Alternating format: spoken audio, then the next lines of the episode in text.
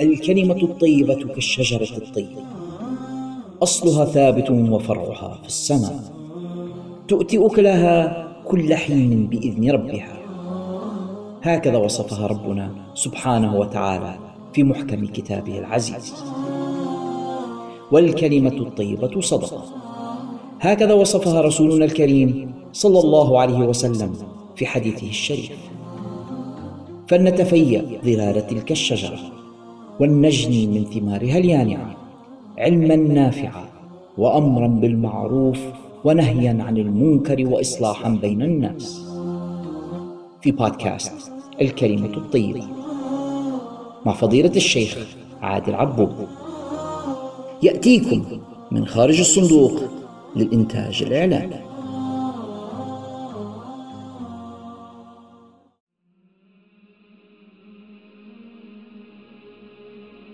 الحمد لله رب العالمين حمدا يوافي نعمه ويكافئ مزيده والصلاة والسلام على أشرف الأنبياء والمرسلين سيدنا ونبينا محمد وعلى آله وصحبه أجمعين. اللهم لا سهل إلا ما جعلته سهلا وأنت إذا شئت جعلت الحزن سهلا فسهل لنا كل أمر عسير.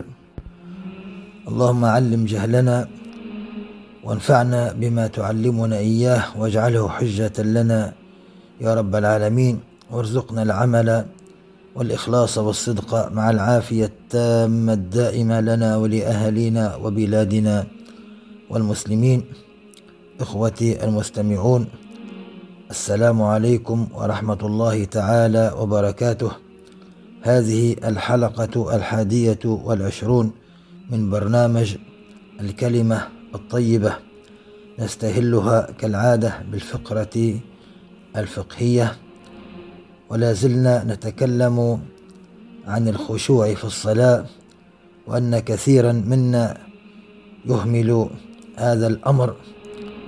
ومع أن كثير من الفقهاء يعدونه من الأركان لأنه هو المحور في الصلاة أن يكون القلب حاضرا مع مولاه. ولكنه لصعوبة التحكم في القلب وفي وساوسه وفي سرحانه فهو تركه لا تبطل به الصلاة كما سمعنا في الدرس الماضي ولكن ينقص الأجر كما جاء في الأحاديث أن المصلي قد يصلي ولا يكتب له إلا عشر صلاته إلا تسع صلاته إلا تبن صلاته وهكذا. كلما الإنسان حضر قلبه في الصلاة ومع ما يتلو من الآيات وما يذكر من التسابيح والدعاء فكلما يزيد أجره وتعظم صلاته وتؤتي ثمارها اليانعة من البعد عن المحرمات ومن النجاة في الدنيا والآخرة بإذن الله تعالى. من المسائل التي قد يظن بعض الناس أنها آه، أيضا في هذا الأمر وهو الشك. الإنسان يصلي فيشك هل صلى ثلاثا أو أربعا فهذه تحدث حتى لمن حضر قلبه في الصلاة. أحيانا آه، تواني أو تانية الإنسان يعني يذهب فكره فيأتيه هذا الشك فقال العلماء هو لا يدخل تحت هذه المسألة ولكن إن كثر الشك وكان بسبب الاهتمام والتفكير في أمور أخرى فيدخل تحتها بلا شك. قال العلماء أيضا منهم القاضي أبو بكر ابن العربي المالكي قال ابن القاسم عن مالك رضي الله عنه في قوله تعالى الذين هم في صلاتهم خاشعون. قال معناها الإقبال عليها حتى أن بعضهم قال معناها لا يعرف من على يمينه ولا من على يساره. بعض الناس من شدة خشوعهم وحضورهم في الصلاة لا يعرف حتى من صلى بجانبه مع أنه يصلي بجانبه جاره أو أحد سكان القرية التي يعرفهم. ليس المقصود به آه، كمساجدنا الآن كثير منها على الطريق وأنت لا تعرف من هو بجانبك ولكن المقصود بها المساجد التي لوسط القرية بحيث الإنسان يصلي فيها أهل القرية وهم يعرفون بعضهم بعضا. فمن شدة خشوعه كما ذكر عن بعض السلف أنه لا يعرف من يمينه ولا من يساره لإقباله على الصلاة. ولكن هؤلاء قلة يعدون على أصابع اليد وكلنا أو أغلبنا تجده منشغلا بأمور الدنيا في صلاته ولا حول ولا قوة إلا بالله. فالمسألة هي أن قول المصلي الله أكبر يحرم عليه الأفعال بالجوارح والكلام باللسان ونية الصلاة تحرم عليه الخواطر بالقلب والاسترسال عن الأفكار لأن هناك النية لما الإنسان يكبر يعني يستحضر نية الصلاة ويعينها إن كانت من الصلوات الخمس أو من النوافل المحدودة كالوتر كالفجر كالعيدين. فينوي تلك الصلاة أو الصلاة المفروضة الخمس فاستحضارها في القلب هذه لي النية.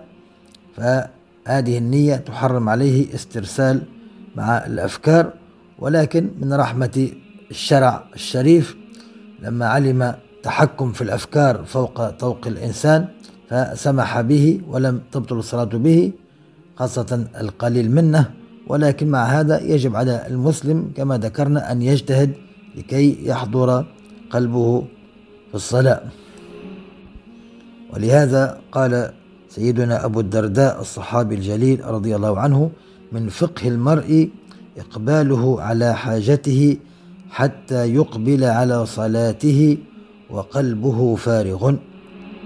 يعني من الفقه أن الإنسان يقبل على حاجته سواء هناك أمر مهم يشغله فينجزه ما دام في الوقت متسع أو حاجته المقصود بها يعني يريد قضاء الحاجة حاشاكم دورة المياه أو مثلا جائع جدا وهكذا فيأكل قليلا أو يدخل دورة المياه حتى أنها يعني أجازوا أن فوات الجماعة بسبب هذا الأمر لكي لا يدخل إلى الصلاة وقلبه مشغول بالأمر متى يحس بنفسه باحتياج شديد إلى قضاء الحاجة البشرية ويقول هاي خلي نصلي نتهنى على الصلاة. طبعا في كلمة يقولها بعض الناس وهي كلمة خطأ يقول حتى نتفك والعياذ بالله. هذه الصلاة هذه رحمة وهبة ومنحة من الله سبحانه وتعالى.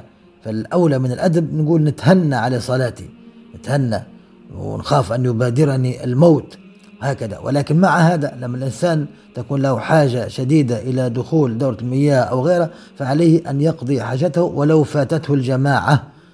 لأن أحيانا قد تبطل حتى الصلاة لما يكون يعني إحنا نقولوا باللهجة مزرور على الآخر وقريب أن ينفلت منا مثلا حشاكم البول وغيره فهذا صلاته يعني قال العلماء يعني إن لم يستطع أن يأتي بالفرائض فصلاته باطلة كذلك من الأخطاء الإسراع في الإتيان إلى الصلاة. ترى كثيرا في المساجد ترى المصلين يسرعون إلى الصلاة بلا سكينة ولا وقار خاصة إذا سمعوا الإقامة. وقد نهى النبي صلى الله عليه وسلم عن ذلك لما فيه من إذهاب الخشوع وتشوش المصلي. قال عليه الصلاة والسلام إذا نودي بالصلاة فأتوها وأنتم تمشون وعليكم السكينة. فما أدركتم فصلوا وما فاتكم فأتموا.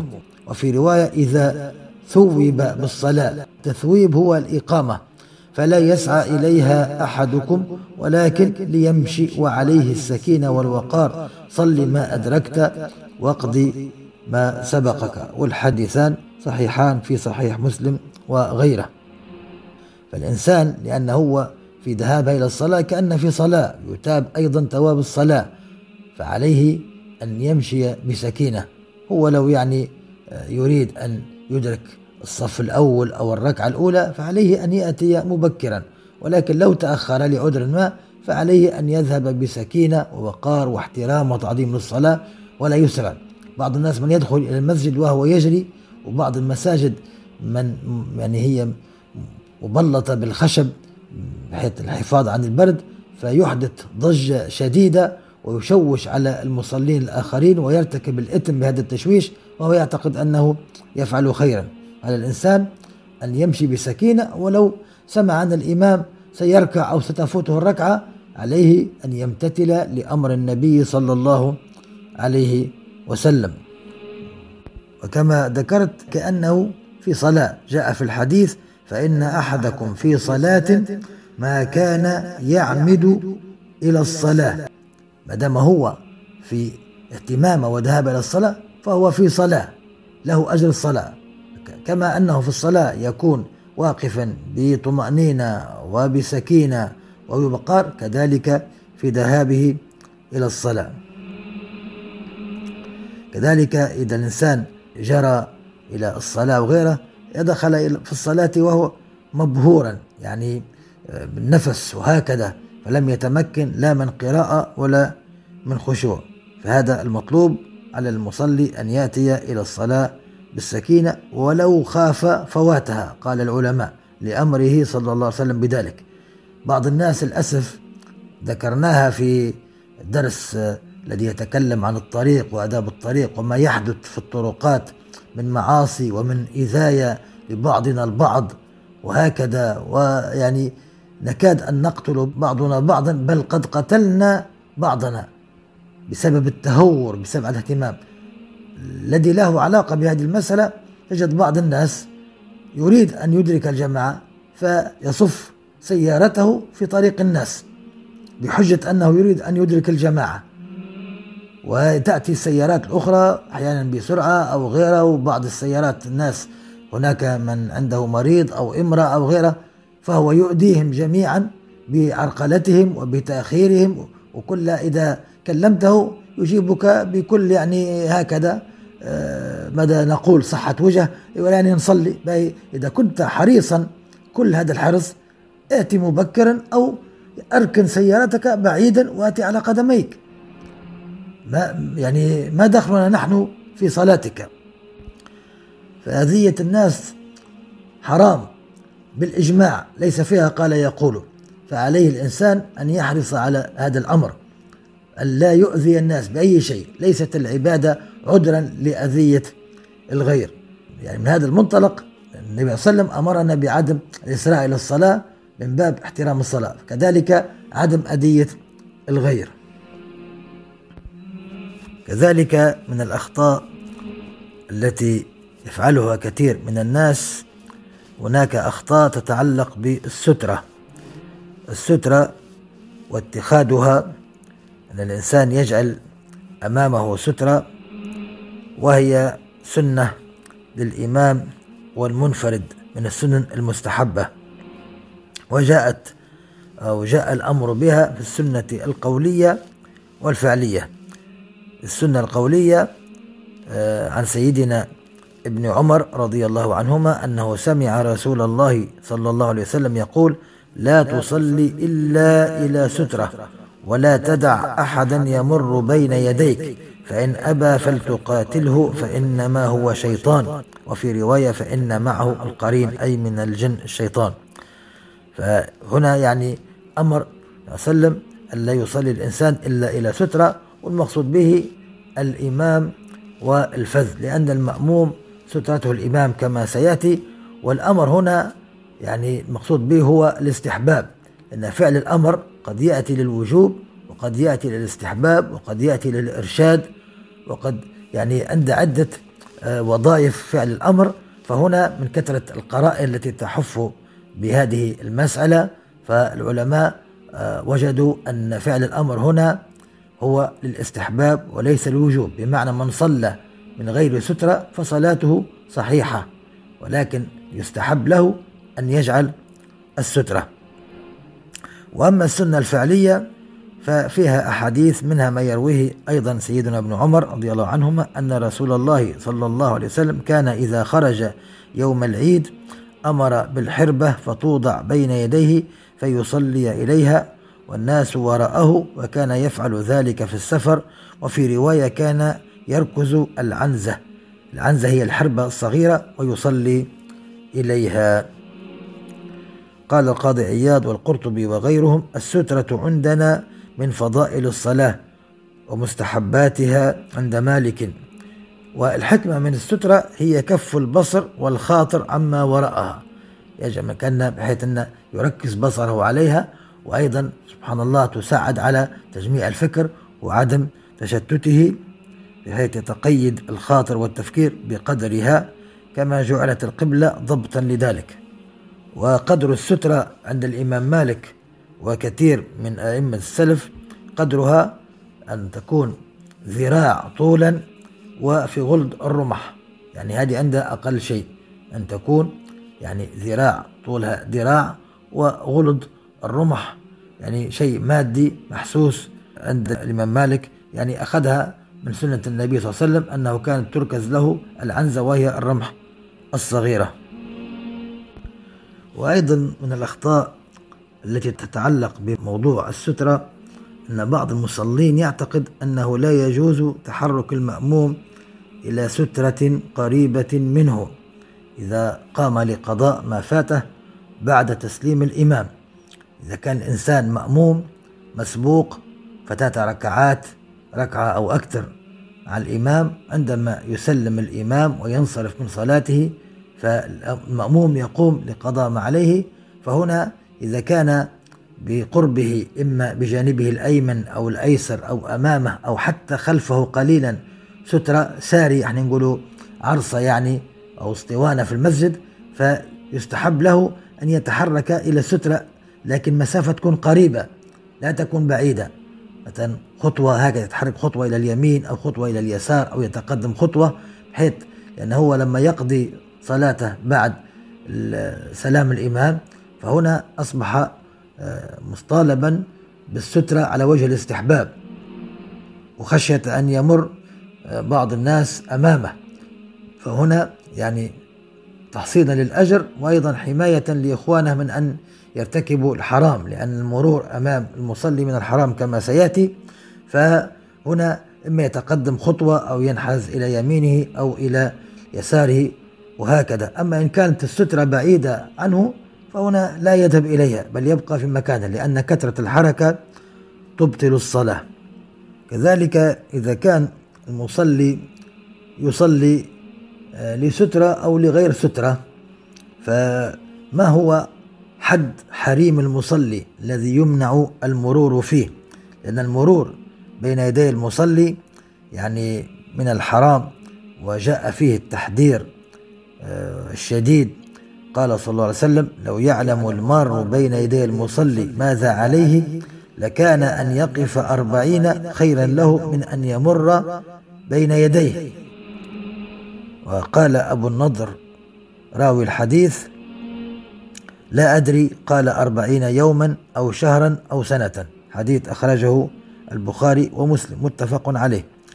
يعني لو يعلم الشخص الذي يمر بين يدي المصلي أمام المصلي لو يعلم ما في هذا المرور من الإثم لكان أن يقف أربعين يوما أو أربعين شهرا أو أربعين سنة. راوي الحديث قال لم أذكر ماذا قال رسول الله لكن قال أربعين.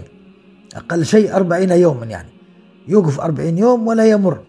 لماذا؟ لشدة الوعيد والعذاب الذي سيناله إن مر.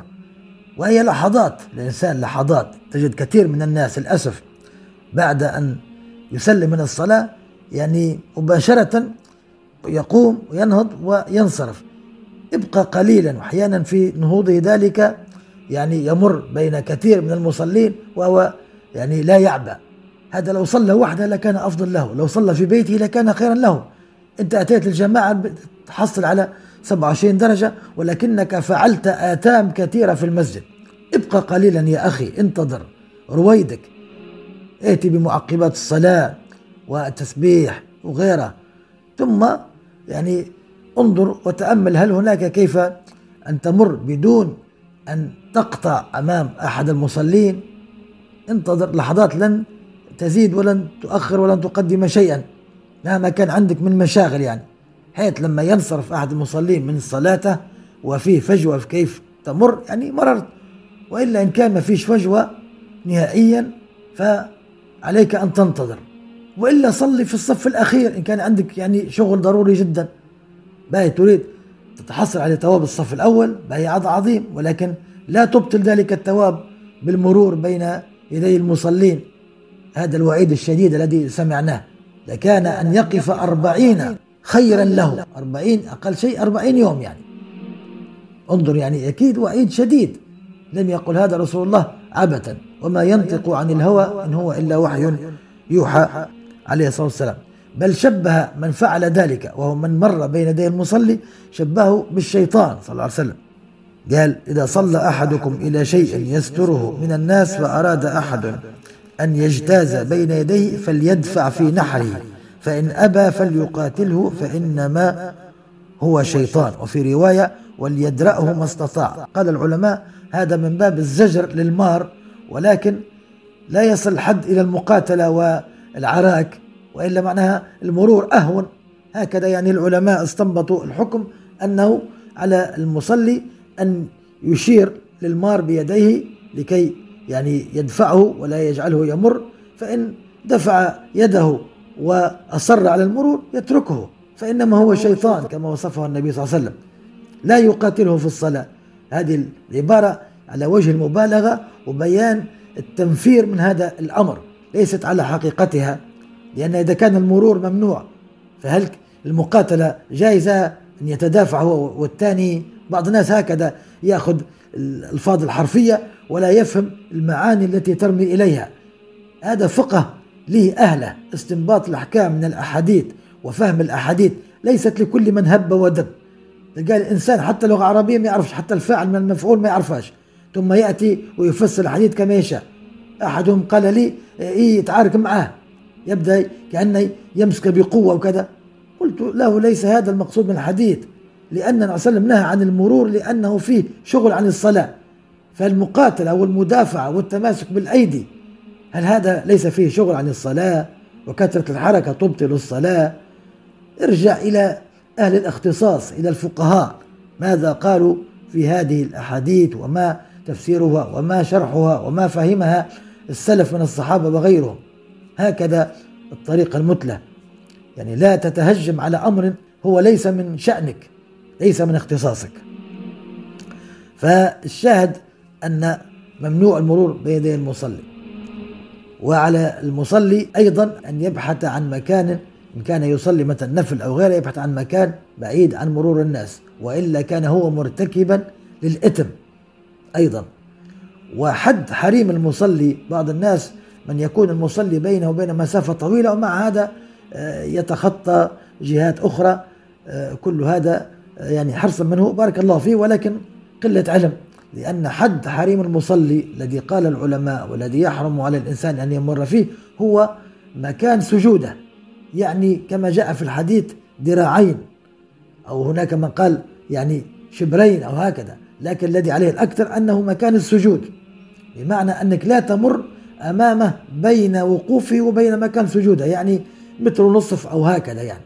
أما ما وراء ذلك بعد مترين ثلاثة أربعة حتى ولو لم يتخذ سترة فلا شيء عليك في مرورك أمامه. وللحديث بقية بإذن الله تعالى. في الفقرة الوعظية لازلنا نتكلم عن الآداب النبوية في تربية الأطفال. قال صلى الله عليه وسلم لأن يؤدب الأب ابنه خير له من أن يتصدق بصاع.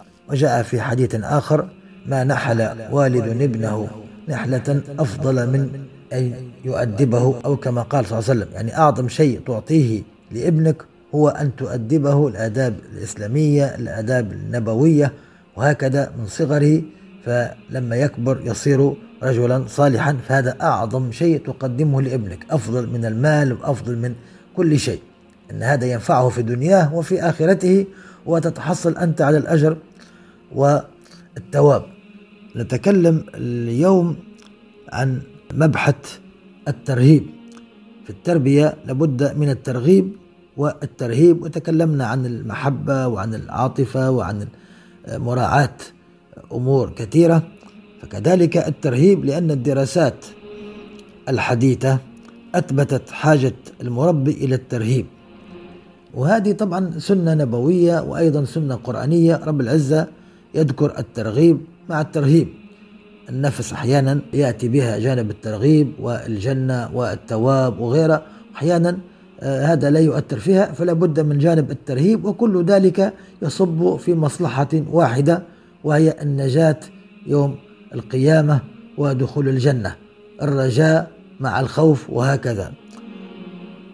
كذلك في التربية الطفل الذي دائما يتسامح معه والداه فبدون أي يعني عقوبة لا نعني بالعقوبة الضرب سنتكلم عنها بالتفصيل ولكن لابد من جانب الترهيب لأن كما قال الشاعر والنفس كالطفل إن تهمله شب على حب الرضاع وأن تفطمه ينفطم فلابد أن يعلم وهذا يعني شبوه بالعجينة التي تستطيع أن تشكلها كما تشاء. الآن هو أمانة عندك.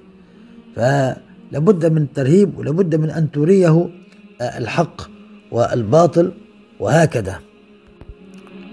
جاء في الحديث عن سيدنا أبي هريرة رضي الله عنه قال أخذ الحسن بن علي سيدنا الحسن سبط النبي صلى الله عليه وسلم ابن السيدة فاطمة الزهراء وسيدنا علي بن أبي طالب أخذ تمرة من تمر الصدقة. كان طفل صغير عمره خمس سنوات وكان تمر الصدقة موجود أتوا به أناس صدقة وجعلوه أمام النبي صلى الله عليه وسلم ويوزعه على الفقراء والمحتاجين. وكان طفل صغير فمد يده وأخذ تمرة تمرة طفل صغير ما الذي ستؤثر عليه؟ ولكن يعلمنا النبي صلى الله عليه وسلم فقال له صلى الله عليه وسلم كخ كخ. هذه كلمة يعني تقال للإنسان أنه يعني هي زجر ولكن كلمة تقال بحيث يعني أخرج ما في فمك. كخ كخ أرمي بها. أما علمت أن لا نأكل صدقة. يعني رسول الله صلى الله عليه وسلم يعلم طفلا صغيرا يعني يأمره بفعل شيء ويعلمه لماذا هذا الأمر. هكذا يعني نعلم أبناءنا نخاطب عقولهم. لا نحتقر تفكيرهم. نريهم العلة في الأمر الذي أمرناهم به أو نهيناهم عنه. فالطفل الذي يتسامح معه والداه يستمر دائما في الإزعاج ودائما يعني لا يبالي لأنه لا يميز الخطأ من الصواب. فالعقاب هو الذي يصحح السلوك والأخلاق والترهيب له درجات درجات الترهيب. تبدأ بتقطيب الوجه ونظرة الغضب والعتاب ثم يمتد الترهيب إلى المقاطعة. تقاطعه لا تكلمه خاصة إذا كان يعني يحس بتلك المقاطعة ويتأثر بها لكي يعلم أنه أخطأ ولا يكرر خطأه. كذلك أحيانا تحبسه عن الخروج تحريمه من اللعب مثلا. ليس دائما ولكن فقط كعقوبة أو الحرمان المادي. آخر درجة هي الضرب وأيضا له شروط. لم تدع الشريعة شيئا إلا وجعلت له شروطا بحيث لا يتجاوزها. يحكي أحد الصحابة اسمه عبد الله بن يسر المازني كان طفلا صغيرا رضي الله عنه قال بعثتني أمي إلى رسول الله صلى الله عليه وسلم بقطف من عنب. يعني كان عندها عنب فبعت له بقطف في إناء فأكلت منه في الطريق. يعني كلا منا ذلك الطفل العنب هو أمانة قبل أن أبلغه إياه يعني قبل أن أصل إلى النبي صلى الله عليه وسلم. فواضح طبعا طفل أكل يعني من العنب واضح أن العنب قد أكل منه. فلما جئت فأخذ بأذني طبعا أخذ رفيق صلى الله عليه وسلم ولكن يعلمه قال له يا غدر. بمعنى أنك خنت الأمانة. كيف تأكل؟ يعني شيء طلب منك أن توصله. هكذا يعني عقاب بسيط ولكن أثر فيه حيث أنه هو ترك ذلك الأمر ولم يفعله بعد وهو الذي حدث بهذا الحديث. فهذه العقوبات مثل الهجر مثلا وغيرها هذا حسب المصلحة. كما في قصة الصحابة الثلاثة الذين في غزو تبوك بقوا ولم يذهبوا مع الغزو وكيف أن رسول الله صلى الله عليه وسلم هجرهم وأمر الصحابة بهجرهم يعني لعلمه بقوة إيمانهم حتى نزلت فيهم الآيات رضي الله عنهم وأرضاهم. فكل ذلك للمصلحة ولعدم إعادة وتكرار الخطأ. فللترهيب ضوابط منها أن الخطأ إذا حدث أول مرة فلا يعاقب الطفل بل يعلم ويوجه لما يفعل شيء أول مرة مش يعني فورا أو على طول تتم معاقبته وغيره لا يوجه يعلم هذا يا ابني هذا الفعل خطأ هذه الكلمة مش كويسة لا ينبغي أن تقال وهكذا كما ذكرنا في الحديث قول صلى الله عليه وسلم لسيدنا الحسن كخ كخ أما علمت أن لا ناكل صدقة كذلك أحيانا يتغافل عنه إذا علم أنه لن يكرر. لا بأس بالتغافل. ما يكونش إنسان كل كلمة كل لفظة وهكذا. لا الأمر الكبير. أما الأمور البسيطة التي قد ينساها أو غيرها وأنت أعلم بحالة ابنك أو ابنتك.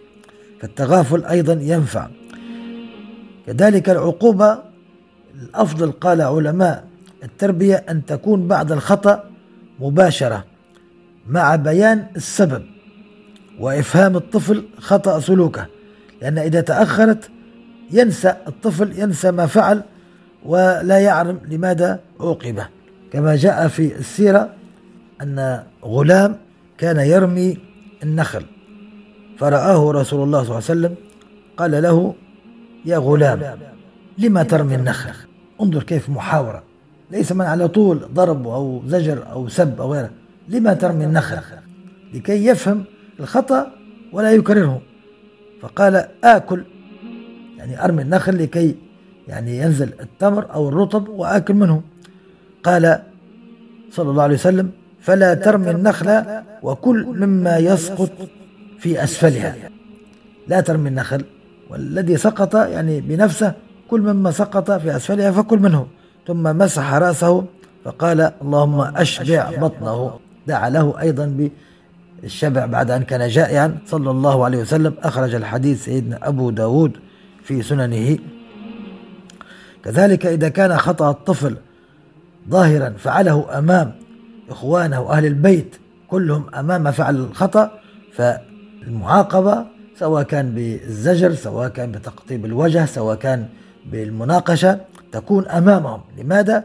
لأن ذلك سيحقق وظيفة تربوية للأسرة. جميع الأبناء يفهمون أن هذا خطأ ويعلمون لماذا حيث أن تشمل الموضوع الفائدة تشمل الجميع لأنه هو فعله أمامهم بعكس لما يكون فعله وحده تعاقبه أو تكلمه وحده.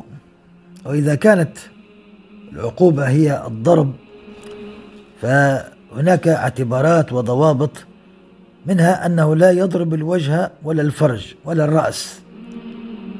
جاء في الحديث إذا ضرب أحدكم فليتق الوجه ولهذا قال الإمام سحنون من أئمة المدرسة المالكية الضرب في الرجلين آمن وأحمل للألم في سلامة. يعني يعني نقولوا الفلقة مثلا يعني هكذا. وضربات لا تزيد على ثلاثة كما في بعض الأحاديث. وألا يكون الضرب مع الغضب كما تقول الحكمة يعني عاقب على قدر السبب على لا على قدر الغضب. تأتي وأنت غضبان جدا من عملك مثلا أو من مشاكل في الطريق وتأتي إلى ابنك وابنتك وضرب شديد قد تكسر عظما أو قد تخدش لحما. لا هذا لا يجوز. يكون الضرب على قدر السبب. بعد أن تهدى من الأمور الأخرى وتتمعن في الأمر وأنت في النهاية تريد مصلحة ابنك وأن يتأدب وأن يتربى ويصير رجلا صالحا.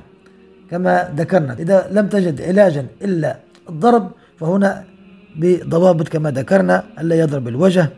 الضرب مع الغضب قلنا ممنوع لأنه جاء في الحديث لا يقضين بين اثنين وهو غضبان. القاضي كذلك الضرب أو العقوبة لا تكون والإنسان غضبان. ولا يصاحب الضرب لا يصاحبه السب والشتم. كثير منا يضرب طفله وهو يسبه ويشتمه أحيانا حتى يعني يهينه ويشعره بالمذلة. ومن الأمور المهمة التي تغيب عن كثير من المربين أن على المربي أن يتوقف عن الضرب إذا ذكر الطفل اسم الله. لو ناشده بالله وبرسول الله وهكذا عليه أن يتوقف. لماذا؟ لأنك أنت هنا تغرس فيه تعظيم اسم الجلالة وتعظيم المولى سبحانه وتعالى. قال رسول الله صلى الله عليه وسلم إذا ضرب أحدكم خادمه فذكر الله فارفعوا أيديكم. أخرجه الترمذي. هذا فيه تعظيم لله في نفس الطفل وهذا أعظم من ضربك له. إذا عظم المولى سبحانه وتعالى في نفس الطفل وكما ذكرت في الحلقة الماضية وعظمت محبته لله فثق تماما أنه سينتج عنه كل خير. كذلك الضرب قال العلماء لا يكون إلا بعد سن العاشرة لحديث مروهم بالصلاة لسبع واضربوهم عليها لعشر.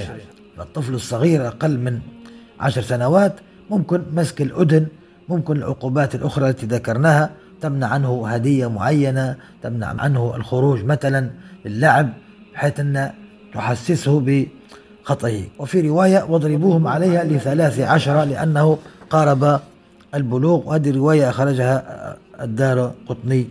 وأقصى الضرب قال العلماء ثلاثة وللقصاص عشرة. عن أبي هريرة قال كان النبي صلى الله عليه وسلم يقول لا يجلد فوق عشر جلدات إلا في حد من الحدود أخرجه البخاري. وكان سيدنا عمر بن عبد العزيز رحمه الله يكتب إلى الأمصار أي إلى المدن الكبيرة لا يقرن المعلم بمعنى لا يعاقب ولا يضرب فوق ثلاث فإنها مخافة للغلام. وعن الضحاك أحد أئمة السلف ما ضرب المعلم غلاما فوق ثلاث فهو قصاص. وأيضا يجب ألا ننسى أن عقوبة الضرب ينبغي أن يسبقها كما ذكرنا درجات أخرى وأيضا يسبقها التحذير والوعيد. إن لم ينفع معه جميع الأساليب الأخرى فحذره وتوعده بأنه سيضرب في المرة القادمة حيث أن يعني ويكون هكذا دائما الإنسان يفي بكلامه بحيث أن يشعر الطفل بالمخافة ويبتعد عن الشيء الذي يفعله. كذلك تكلم العلماء عن أداة الضرب.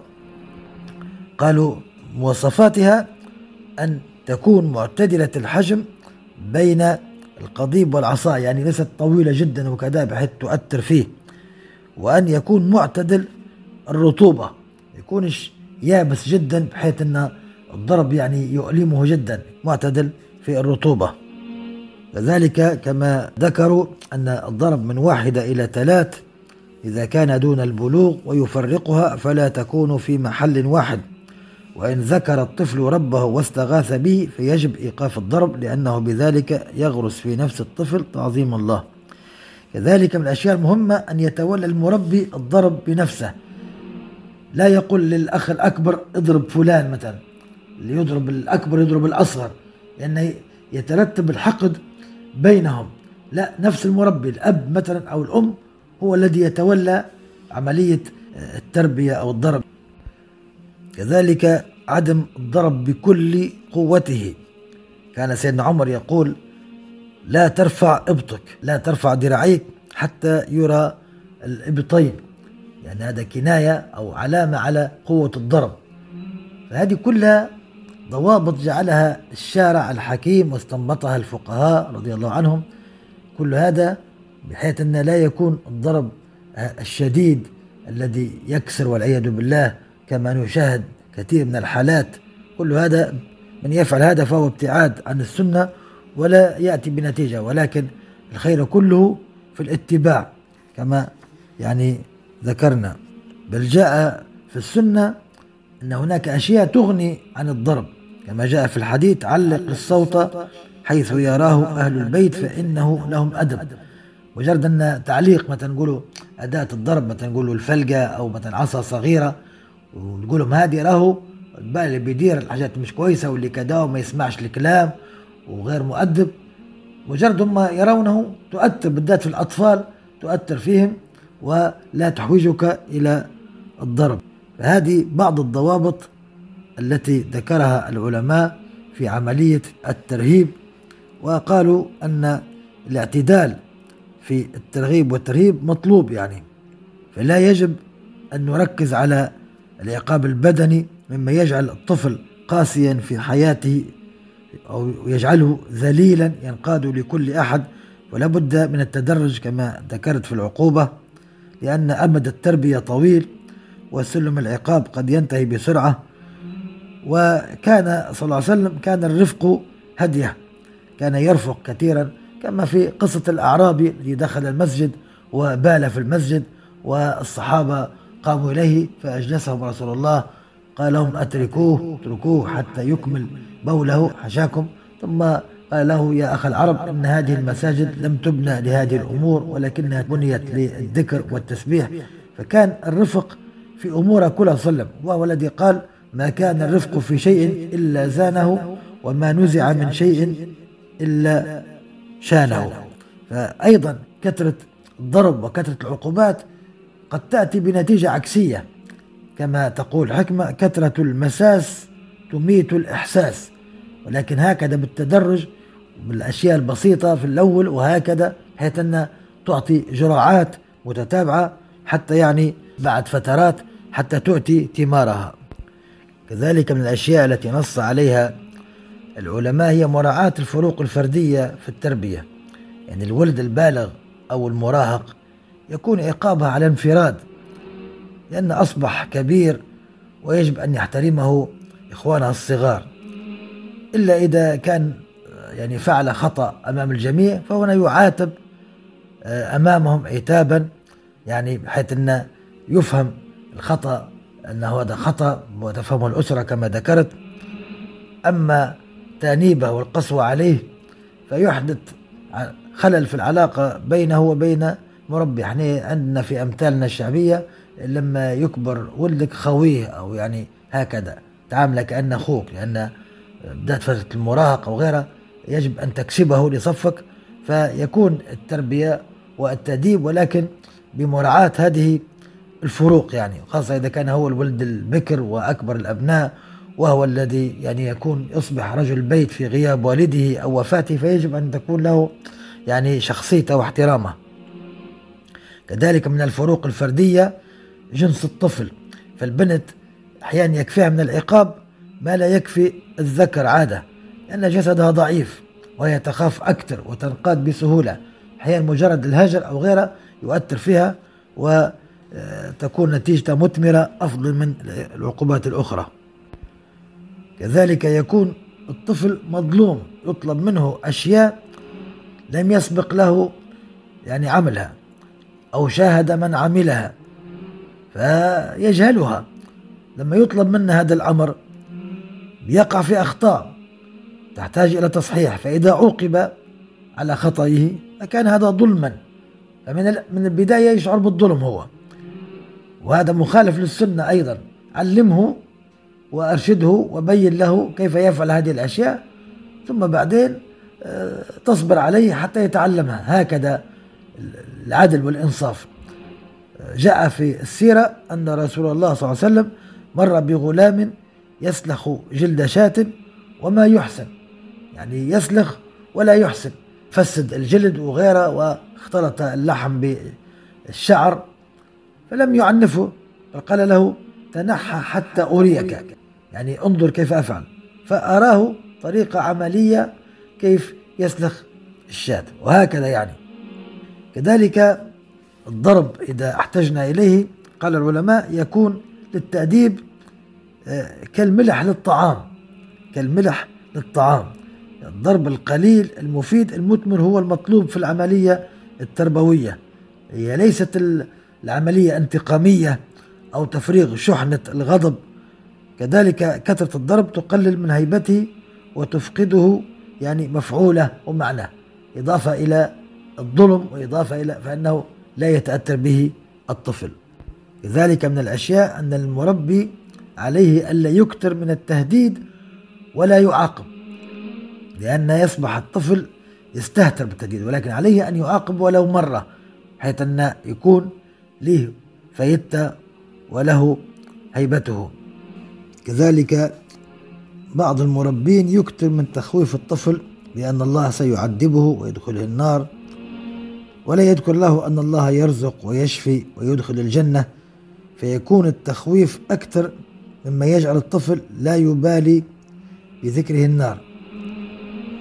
وكذلك يجب أن نوازن بين ذكر الجنة والنار. ولا نحكم على أحد بجنة ولا نار.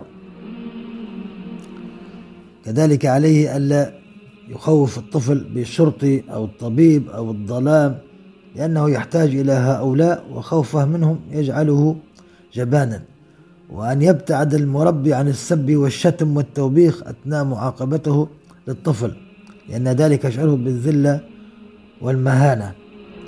وكما ذكرت مراعاة الفروق الفردية يعني السنة الأولى والثانية يكون تقطيب الوجه كافيا عادة أو حرمانه من شيء يحبه.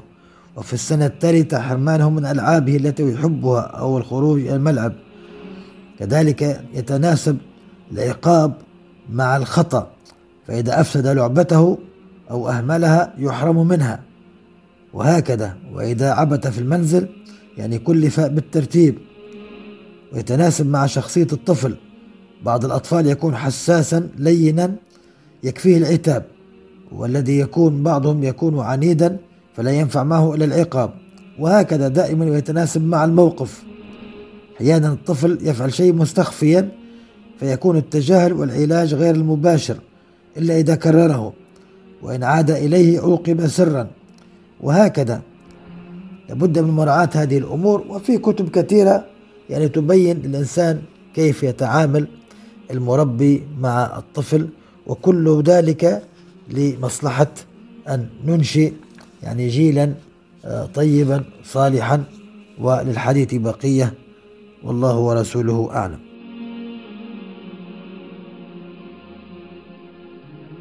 في الفقرة الثالثة فقرة الخصال المجيدة والشمائل الحميدة لحضرة النبي الأكرم صلى الله عليه وسلم من آه، شمائله مهابته العظيمة وفخامته الكريمة.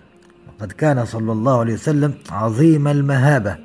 قد توجه الله تعالى تاج العزة والكرامة وكساه حلة الفخامة. روى الترمذي وغيره من حديث هند بن أبي هالة يصف النبي صلى الله عليه وسلم فقال كان رسول الله صلى الله عليه وسلم فخما مفخما يتلألأ وجهه صلى الله عليه وسلم تلألؤ القمر ليلة البدر. هذا سيدنا هند من الصحابة وهو ابن السيدة خديجة وأخ السيدة فاطمة رضي الله عنها خال سيدنا الحسن والحسين. فسأله سيدنا الحسن عن حلية النبي صلى الله عليه وسلم وشيء من صفاته فذكرها في حديث طويل من الأحاديث التي استند عليها الذين كتبوا في الشمائل كالإمام الترمذي وغيره كتبوا في الشمائل المحمدية. فمن ضمن حديثه قال كان رسول الله صلى الله عليه وسلم فخما مفخما عليه المهابة العظيمة كساه الله سبحانه وتعالى بها. وقال سيدنا علي في وصفه للنبي صلى الله عليه وسلم من رآه بديهة هابة ومن خالطه معرفة أحبه. من رآه هكذا فجأة يحس بالهيبة ويحس بالعظمة. وإذا خالط عليه وسلم وذاق تلك الأخلاق التي ليس لها نظير أحبه لا محالة عليه الصلاة والسلام. وقد كان الصحابة رضي الله عنهم لا يستطيعون إمعان النظر فيه لقوة مهابته ومزيد وقاره ومن ثم لم يصفه إلا صغارهم صلى الله عليه وسلم. أو من كان في تربيته قبل النبوة كهند ابن أبي هالة وسيدنا علي رضي الله عنه لأن هند تربى في بيت النبي صلى الله عليه وسلم لأن ابن السيدة خديجة من زوجها قبل زواجها بالنبي صلى الله عليه وسلم زوجها كان اسمه أبو هالة وتوفي ثم تزوجت النبي صلى الله عليه وسلم فهند تربى في كنف النبي صلى الله عليه وسلم فمن صغار الصحابة هو سيدنا علي فهم الذين آه، أولا عاشوا معه في البيت واستطاعوا أن يصفوه. أما كبار الصحابة فقد رأوا أنهم كانوا لا يستطيعون إمعان النظر إليه من مهابته صلى الله عليه وسلم. ويدل على ذلك ما رواه الإمام مسلم عن سيدنا عبد الله بن عمرو بن العاص رضي الله عنهما. قال صحبت رسول الله صلى الله عليه وسلم صحبة طويلة وسمعت منه أحاديث كثيرة وحفظت عنه ألف مثل ومع ذلك ما ملأت عيني منه قط حياء منه وتعظيما له ولو قيل لي صفه لما قدرت. انظر هذا الصحابي جليل. يعني أنه قال لم أستطع أن أملأ عيني منه مهابة وتعظيما له. وأيضا من عظيم مهابته وكمال وقاره أن كان من جلس إليه صلى الله عليه وسلم هابه وربما أخذته رعدة شديدة. من قوة الهيبة المحمدية. فكان صلى الله عليه وسلم يباسطهم ويلاطفهم ليسكن روعهم. روى ابن ماجه والحاكم عن أبي مسعود البدري رضي الله عنه قال جاء رجل فقام بين يدي النبي صلى الله عليه وسلم فأخذته رعدة شديدة ومهابة. فقال له النبي صلى الله عليه وسلم هون عليك فأنا لست بملك ولا جبار. وإنما أنا ابن امرأة من قريش كانت تأكل القديد بمكة. قديد هو اللحم الذي يقطع ويجفف في الشمس. يعني نقول القديد يعني. انظر يعني كان وسلم أخذ يبسطه. الرجل أخذته يعني هيبة ورعدة من مهابة النبي صلى الله عليه وسلم. وهذا شيء تلقائي ليس للإنسان عليه سيطرة. ولكن مع هذا رسول الله أخذ يطمئنه ويبسطه. قال له ابن امرأة كانت تأكل القديد يعني لست بملك ولا جبار. فلما رأى الرجل تواضع النبي صلى الله عليه وسلم فنطق بحاجته وسكن روعه. فقال النبي صلى الله عليه وسلم يا أيها الناس إني أوحي إلي أن تواضعوا ألا فتواضعوا حتى لا يبغي أحد على أحد ولا يفخر أحد وكونوا عباد الله إخوانا. وعن السيدة قيلة بنت مخرمة أنها قالت لما رأيت رسول الله صلى الله عليه وسلم متخشعا في الجلسة وهو قاعد القرفصاء يعني وسلم جالس متخشع هذا مطأطي رأسه قالت أرعدت من الفرق أي من الخوف. فقال رجل يا رسول الله أرعدت المسكينة. قالت قيل فقال رسول الله صلى الله عليه وسلم ولم ينظر إلي وأنا عند ظهري. كانت هي خلف ظهر النبي صلى الله عليه وسلم فلم يلتفت إليها بل قال عليه الصلاة والسلام يا مسكينة عليك السكينة. قالت لما قالها أذهب الله ما كان دخل قلبي من الرعب. ومجرد أن قالها يا مسكينة هكذا من بركاته صلى الله عليه وسلم. مجرد أن قالها عليك السكينة. هي دي حالة غير اختيارية الإرعاد وإرعاد الجسم وهكذا الشعور بالخوف أو بالهيبة ولكن بمجرد ببركة قوله صلى الله عليه وسلم قالت أذهب الله عني ما كان دخل قلبي من الرعب. وأيضا ما جاء في السيرة أيضا عن أبي مسعود البدري رضي الله عنه قال إني لأضرب غلاما لي. يعني كان عنده غلام هو كان عبد مملوك يعني فأخطأ يعني أصاب دم من الذنوب فضربه سيدنا أبو مسعود البدري الصحابي الجليل. قال كنت نضرب فيه يعني. فسمعت صوتا من خلفي. اعلم أبا مسعود. فجعلت لا ألتفت إليه من الغضب حتى غشيني. فإذا هو رسول الله صلى الله عليه وسلم. قال أبو مسعود فلما رأيته صلى الله عليه وسلم وقع الصوت من يدي من هيبته عليه الصلاة والسلام. فقال لي والله الله أقدر عليك منك على هذا. يعني رسول الله لم يرضى بضربه لغلامه مع أنه قد أخطأ وفعل شيء. قال له اعلم أبا مسعود أن الله أقدر عليك منك على هذا. يعني كما تقول حكمة إذا دعتك قدرتك على ظلم الناس فتذكر قدرة الله عليك. مع أن سيدنا مسعود لم يظلم هذا الغلام هو الذي أخطأ. وكان يضربه يؤدبه ولكن مع هذا لم يرضى رسول الله بضرب الغلام. فسيدنا مسعود قال والله يا رسول الله لا أضرب غلاما لي بعدها أبدا. وفي رواية أنه أعتقه. شوف كان الصحابة رضي الله عنهم يقفون فورا مع الأمر أو النهي الذي يأتي من الله أو من رسوله صلى الله عليه وسلم. مجرد أن رسول الله حذره من أن يغضب عليه الله بضرب الغلام؟ قال يا رسول الله هو حر لوجه الله. اعتقه وقال أما لو لم تفعل لفحتك النار كما أخرجه الإمام مسلم في صحيحه. وعن زينب الثقفية امرأة عبد الله بن مسعود رضي الله عنها وعنه قالت قال رسول الله صلى الله عليه وسلم تصدقنا يا معشر النساء ولو من حليكن. قالت فرجعت إلى عبد الله بن مسعود فقلت له إنك رجل خفيف ذات اليد يعني قليل المال. قليل المال. الصحابة رضي الله عنهم كان معظمهم في قلة من المال. وإن رسول الله قد أمرنا بالصدقة فأته فاسأله فإن كان ذلك يجزئ عني أنا أي دفعتها لكم. يعني نعطيكم الصدقة اللي بنصدقها نعطيها لك ولأبنائك إن كان يجزي وإلا دفعتها صرفتها إلى غيركم. فقال ابن مسعود بل ائتيه أنت أنت اذهبي واسأليه. قالت فانطلقت فإذا امرأة من الأنصار بباب رسول الله صلى الله عليه وسلم حاجتي حاجته أي جاءت نفس الأمر. هل يجوز أن نعطي صدقاتنا لأزواجنا وذرياتنا أو يجب علينا أن نعطيها لأناس أغراب آخرين؟ وكان رسول الله صلى الله عليه وسلم قد ألقيت عليه المهابة وهذا الشاهد في الحديث يعني. فلم تستطع أن تدخل أو أن تطرق الباب. فخرج علينا بلال فقلنا له ائت رسول الله صلى الله عليه وسلم فأخبره أن امرأتين بالباب تسألانك أتجزئ الصدقة عنهما على أزواجهما وعلى أيتام في حجورهما يعني في تربيتهما؟ ولا تخبره من نحن. ولا في اثنين من النساء يسألان عن هذا الأمر.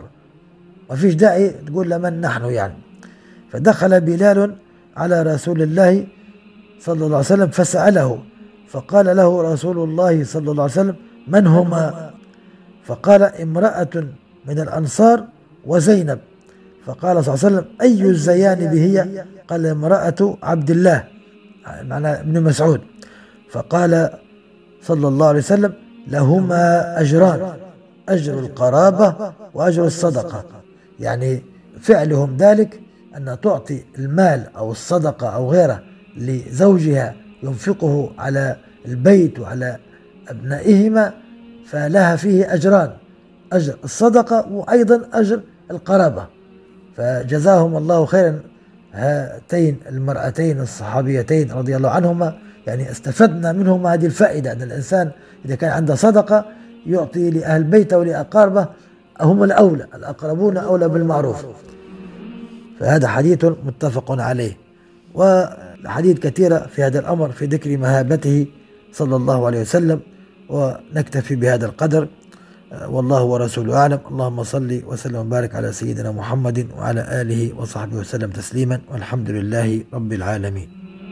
إذا كانت هذه الحلقة قد نالت رضاكم واستحسانكم فلا تبخلوا علينا رجاء بترك علامة الخمس نجمات في التطبيق الذي تستمعون إليها من خلاله. وإذا كنتم تستمعون إليها من خلال يوتيوب فلا تنسوا النقر على زر الإعجاب وتشاركها مع أصدقائكم ومعارفكم على وسائل التواصل الاجتماعي كي تعم فائدتها وتصل أكبر عدد من المستمعين. لا تنسونا رجاء من صالح دعائكم. بارك الله فيكم. جميع حقوق هذا العمل محفوظة لخارج الصندوق للإنتاج الإعلامي.